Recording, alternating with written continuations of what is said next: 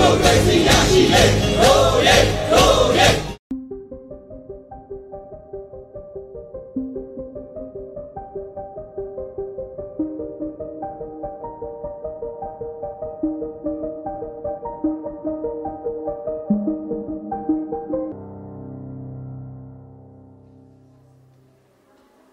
တော်လိုင်းနေပညာစီစဉ်ကနေအားလုံးကိုပြန်လည်ကြိုဆိုလိုက်ပါရယ်မြန်မာနိုင်ငံသူနိုင်ငံသားအပေါင်းမင်္ဂလာပေါင်းနဲ့ပြည့်စုံတဲ့နေ့ရက်တွေကိုအမြန်ဆုံးပြန်လည်ပိုင်ဆိုင်နိုင်ကြပါစေကြောင်းတော်လိုင်းနေပညာစီစဉ်ကဝိုင်းတော်သားတွေကနေဆုတောင်းမေတ္တာပို့သလိုက်ပါရယ်တချိန်ကနာမည်ကြီးခဲ့တဲ့တခြင်းလေးတစ်ပုဒ်ရှိပါတယ်ကိုရယ်မင်းရယ်ပန်းမလောက်ရယ်တဲ့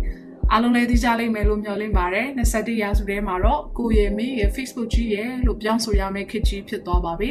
တင်းနဲ့တင်းချစ်သူကစကားပြောရင် Messenger ကနေပဲပြောနေကြတော့လားတင်းတို့နှစ်ယောက်စကားပြောတာပဲဖြစ်ဖြစ်ပုံတွေဗီဒီယိုတွေပို့တာပဲဖြစ်ဖြစ်တင်းတို့နှစ်ယောက်တည်းမဟုတ်ဘူးဆိုတာသတိထားဖို့လိုပါတယ်တေချာတာကတော့နှစ်ယောက်တည်းမဟုတ်ဘူးเนาะတင်းတို့နှစ်ယောက်ကြားမှာ Facebook ကြီးကတိတ်တိတ်ကလေးရှိနေပါတယ်စီးပွားရေးလားကြီးပွားရေးလားတာရေးသမီးရေးလား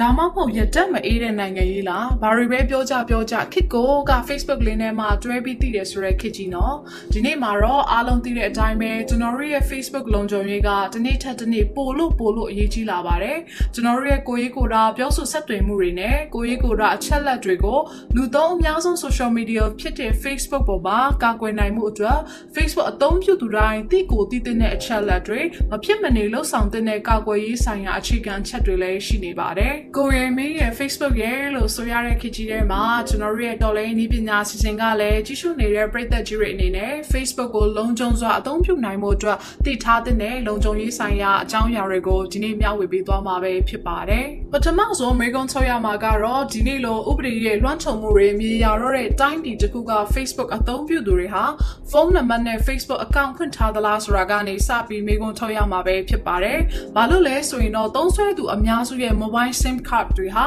မိမိရဲ့အမှတ်ပုံတင်တဲ့ register လုပ်ထားတဲ့အတွက်ယနေ့ကာလမှာတတိကြီးကြီးထားသင့်ပါတယ်။ဒီအပြင် Facebook ရဲ့ setting ထဲက personal information ဆိုတဲ့နေရာမှာဖုန်းနံပါတ်ကို public ဖွင့်ထားတဲ့ဆိုရင်တော့ NDA ကတော်တော်လေးကြီးသွားပါပြီ။ဒီတော့ NDA ကိုကြော်ဖြတ်နိုင်ဖို့ဆိုရင်တော့သင်ရဲ့ကိုရေးကိုယ်တာလုံခြုံရေးအတွက် email နဲ့သာ Facebook account ဖွင့်ဖို့နဲ့ personal information နေရာမှာဖြည့်စွက်ထားတဲ့ကိုရေးကိုယ်တာအချက်လက်တွေကိုမိမိတူးထဲသာမြင်နိုင်တဲ့ only me ဆိုတဲ့ function လေးနဲ့ထားဖို့အတွက်အကြံပြုလိုပါတယ်။ ဒုတိယတစ်ခုအနေနဲ့မေကွန်ထုတ်ချင်တာကတော့သင်ရဲ့ Facebook account ကို two factor authentication လို့ခေါ်တဲ့နှစ်ဆင့်ခံလုံခြုံရေးတိုးမြင့်ပြီးပြီလား။တေချာတာကတော့69ရာခိုင်နှုန်းသော Facebook account တွေမလုံခြုံရတဲ့အကြောင်းတရားက two factor authentication ကိုအသုံးမပြုလို့ပဲဖြစ်ပါတယ်။နှစ်ဆင့်ခံလုံခြုံရေးဆိုတာကဘာနဲ့တူလဲဆိုရင်သင်အိမ်လုံခြုံရေးအတွက်အိမ်ကိုတော့နှစ်ထပ်ခတ်ထားတဲ့သဘောပါ Facebook မှာလည်း password တစ်ခုတည်းသိုံနဲ့ဖွင့်လို့မရအောင်လုပ်ထားတာပါ။တစုံတစ်ယောက်ကသင်ရဲ့ Facebook password ရသွားခဲ့ရင်တော့သင်ရဲ့ Facebook ကိုဖွင့်လို့မဖြစ်နိုင်တော့ပါဘူး။ဘာလို့လဲဆိုရင်သင် account ကိုဖွင့်ဖို့အတွက် password အပြင်တခြားကုတ်6လုံးထပ်မံလိုအပ်လို့ပဲဖြစ်ပါတယ်။အဲဒါကြောင့် two factor authentication လုပ်ထားရင် Facebook ကနေသင် account ကို login ဝင်တိုင်းဝင်တိုင်းမှာ password အပြင်တစ်ခါသာအသုံးပြုလို့ရတဲ့ one time password ပို့ပေးတာပါ။ဒီတော့ပုံသေးမဟုတ်တဲ့ one time password ကိုခိုးယူဖို့ဆိုတာအတော်လေးခက်ခဲပါတယ်။အရင်က two factor authentication function ဖွင့်တဲ့အခါမှာသင်ထံကို one time password ပေးဖို့ဖို့အတွက်သင်ရဲ့ဖုန်းနံပါတ်ကိုအသုံးပြုပါတယ်။ဒီနေ့လိုမလုံခြုံတဲ့ခေတ်ကြီးထဲမှာတော့ mobile phone တွေရဲ့လုံခြုံရေးကလည်းတန်တရားဖြစ်စရာကောင်းပါတယ်။အဲဒါကြောင့်ဖုန်းနံပါတ်အစား Google authentication app ကိုပြောင်းလဲအသုံးပြုဖို့လည်းကျွန်တော်တို့ကအကြံပြုလိုပါတယ်။ ကဲဒါဆိုရင် two factor authentication ကိုဘယ်လိုထားရမလဲဆိုတဲ့သိချင်တဲ့ပရိသတ်ကြီး Facebook ရဲ့ setting ထဲက security and login အောက်မှာ two factor authentication လေးကိုချက်ချင်းဖွင့်လိုက်ပါထပ်မံအကြံပြုလိုပါတယ် two factor authentication မလုပ်ရသေးဘူးဆိုရင်တော့အခုချက်ချင်းပဲလိုက်လုပ်ဖို့အတွက်အကြံပြုလိုပါတယ်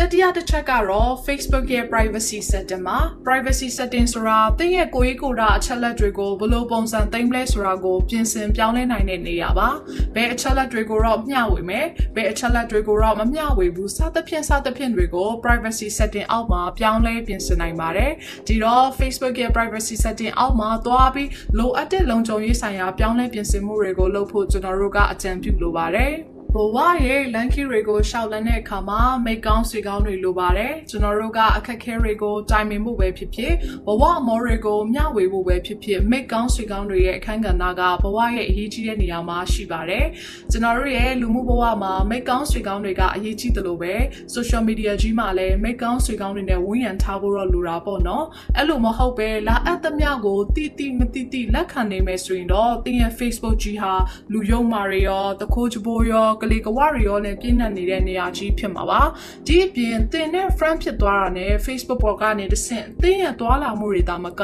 တင်ကျင်လာနေတဲ့အတိုင်းဝိုင်းတင်မိတ်ဆွေတွေနဲ့ပတ်သက်တဲ့အချက်လက်တွေကိုပါလေးလာစောင့်ကြည့်သွားနိုင်တာကြောင့်တင်းရဲ့အပြုမူကတင်ရောတင်းရဲ့မိတ်ဆွေဆွေတွေအတွက်ရောအန်ဒီရဲ့ကြီးလုံးပါတယ်ဒီတော့လုံခြုံရေးရှုထောင့်အရတင်တကယ်မသိတဲ့သူတွေကိုလက်မခံဖို့နဲ့တင်းရဲ့ friend list တွေကိုလည်းတခြားသူတွေမမြင်နိုင်အောင်ပိတ်ထားဖို့အတွက်အကြံပြုလိုပါတယ်ဒီအပြင်သင်အနေနဲ့ Facebook ပေါ်မှာ post တွေတင်တဲ့အခါမှာလည်းအများမြင်စေချင်တာလားတကယ်ချင်းမိတ်ဆွေတွေအတွက်ပဲရည်ရွယ်ပြီးရေးထားတဲ့ post လား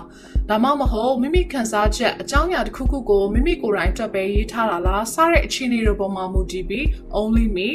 friend public ဆိုတဲ့ function လေးတွေကိုတင့်တော်သလိုသုံးဆွဲနိုင်ပါတယ်။နောက်တစ်ခုကတော့တင်ပြင်သွားတဲ့အခါမှာမမိတ်မတုံစိတ်လုံးလုံးသွားနိုင်ဖို့အတွက် fake account လေးတစ်ခုလောက်လည်းဖန်တီးထားပါအောင်နော်။ဒီလိုဖန်တီးတဲ့အခါမှာအများနဲ့သုံးနေကြအကောင့်ပုံစံမျိုးဖြစ်အောင် post တွေကိုတင်တာ share တွေကိုပုံမှန်လုပ်ထားသင့်ပါတယ်။ထပ်မံကြံပြုလိုတာကတော့ဒီနေ့လိုအရာရာမလုံခြုံပဲထိရှလွယ်တဲ့အခြေအနေမှာတင်ရဲ့ challenge တွေကိုအခြားသူတွေအနေနဲ့အလွယ်တကူဝင်ရောက်ကြည့်ရှုမှုကိုကာကွယ်နိုင်ဖို့အတွက် profile setting အောက်က log profile လို့ခေါ်တဲ့ကိုရေးမှတ်တမ်းပိတ်ထားရန်ဆိုတဲ့ function လေးကိုလည်းအသုံးပြုဖို့အကြံပေးပါတယ်။နောက်ဆုံးအနေနဲ့သတိပေးချင်တာကတော့ internet ဆိုတာက public space ပါဆိုလိုချင်တာကလူတိုင်းမြင်ပြီးအလွယ်တကူသုံးလို့ရတဲ့နေရာလေးဆိုတာကိုသတိထားမိဖို့ပါပဲအားလုံးလည်း Facebook ဆိုင်ရာလုံခြုံရေးအချက်လက်တွေကိုသိရှိသွားပြီဆိုတော့နောက်ပတ်များမှာလည်းတော်လိုင်းရေးနည်းပညာအစီအစဉ်ကနေဘလို့အကြောင်းအရာတွေကိုဆက်လက်တင်ဆက်ပေးမလဲဆိုတာကိုစောင့်မျှော်နာတော့တာဆင်ပေးကြပါအောင်ရှင်။ရေတော်ဘုံ အောင်ရမည်ရေတော်ဘုံအောင်ရမည်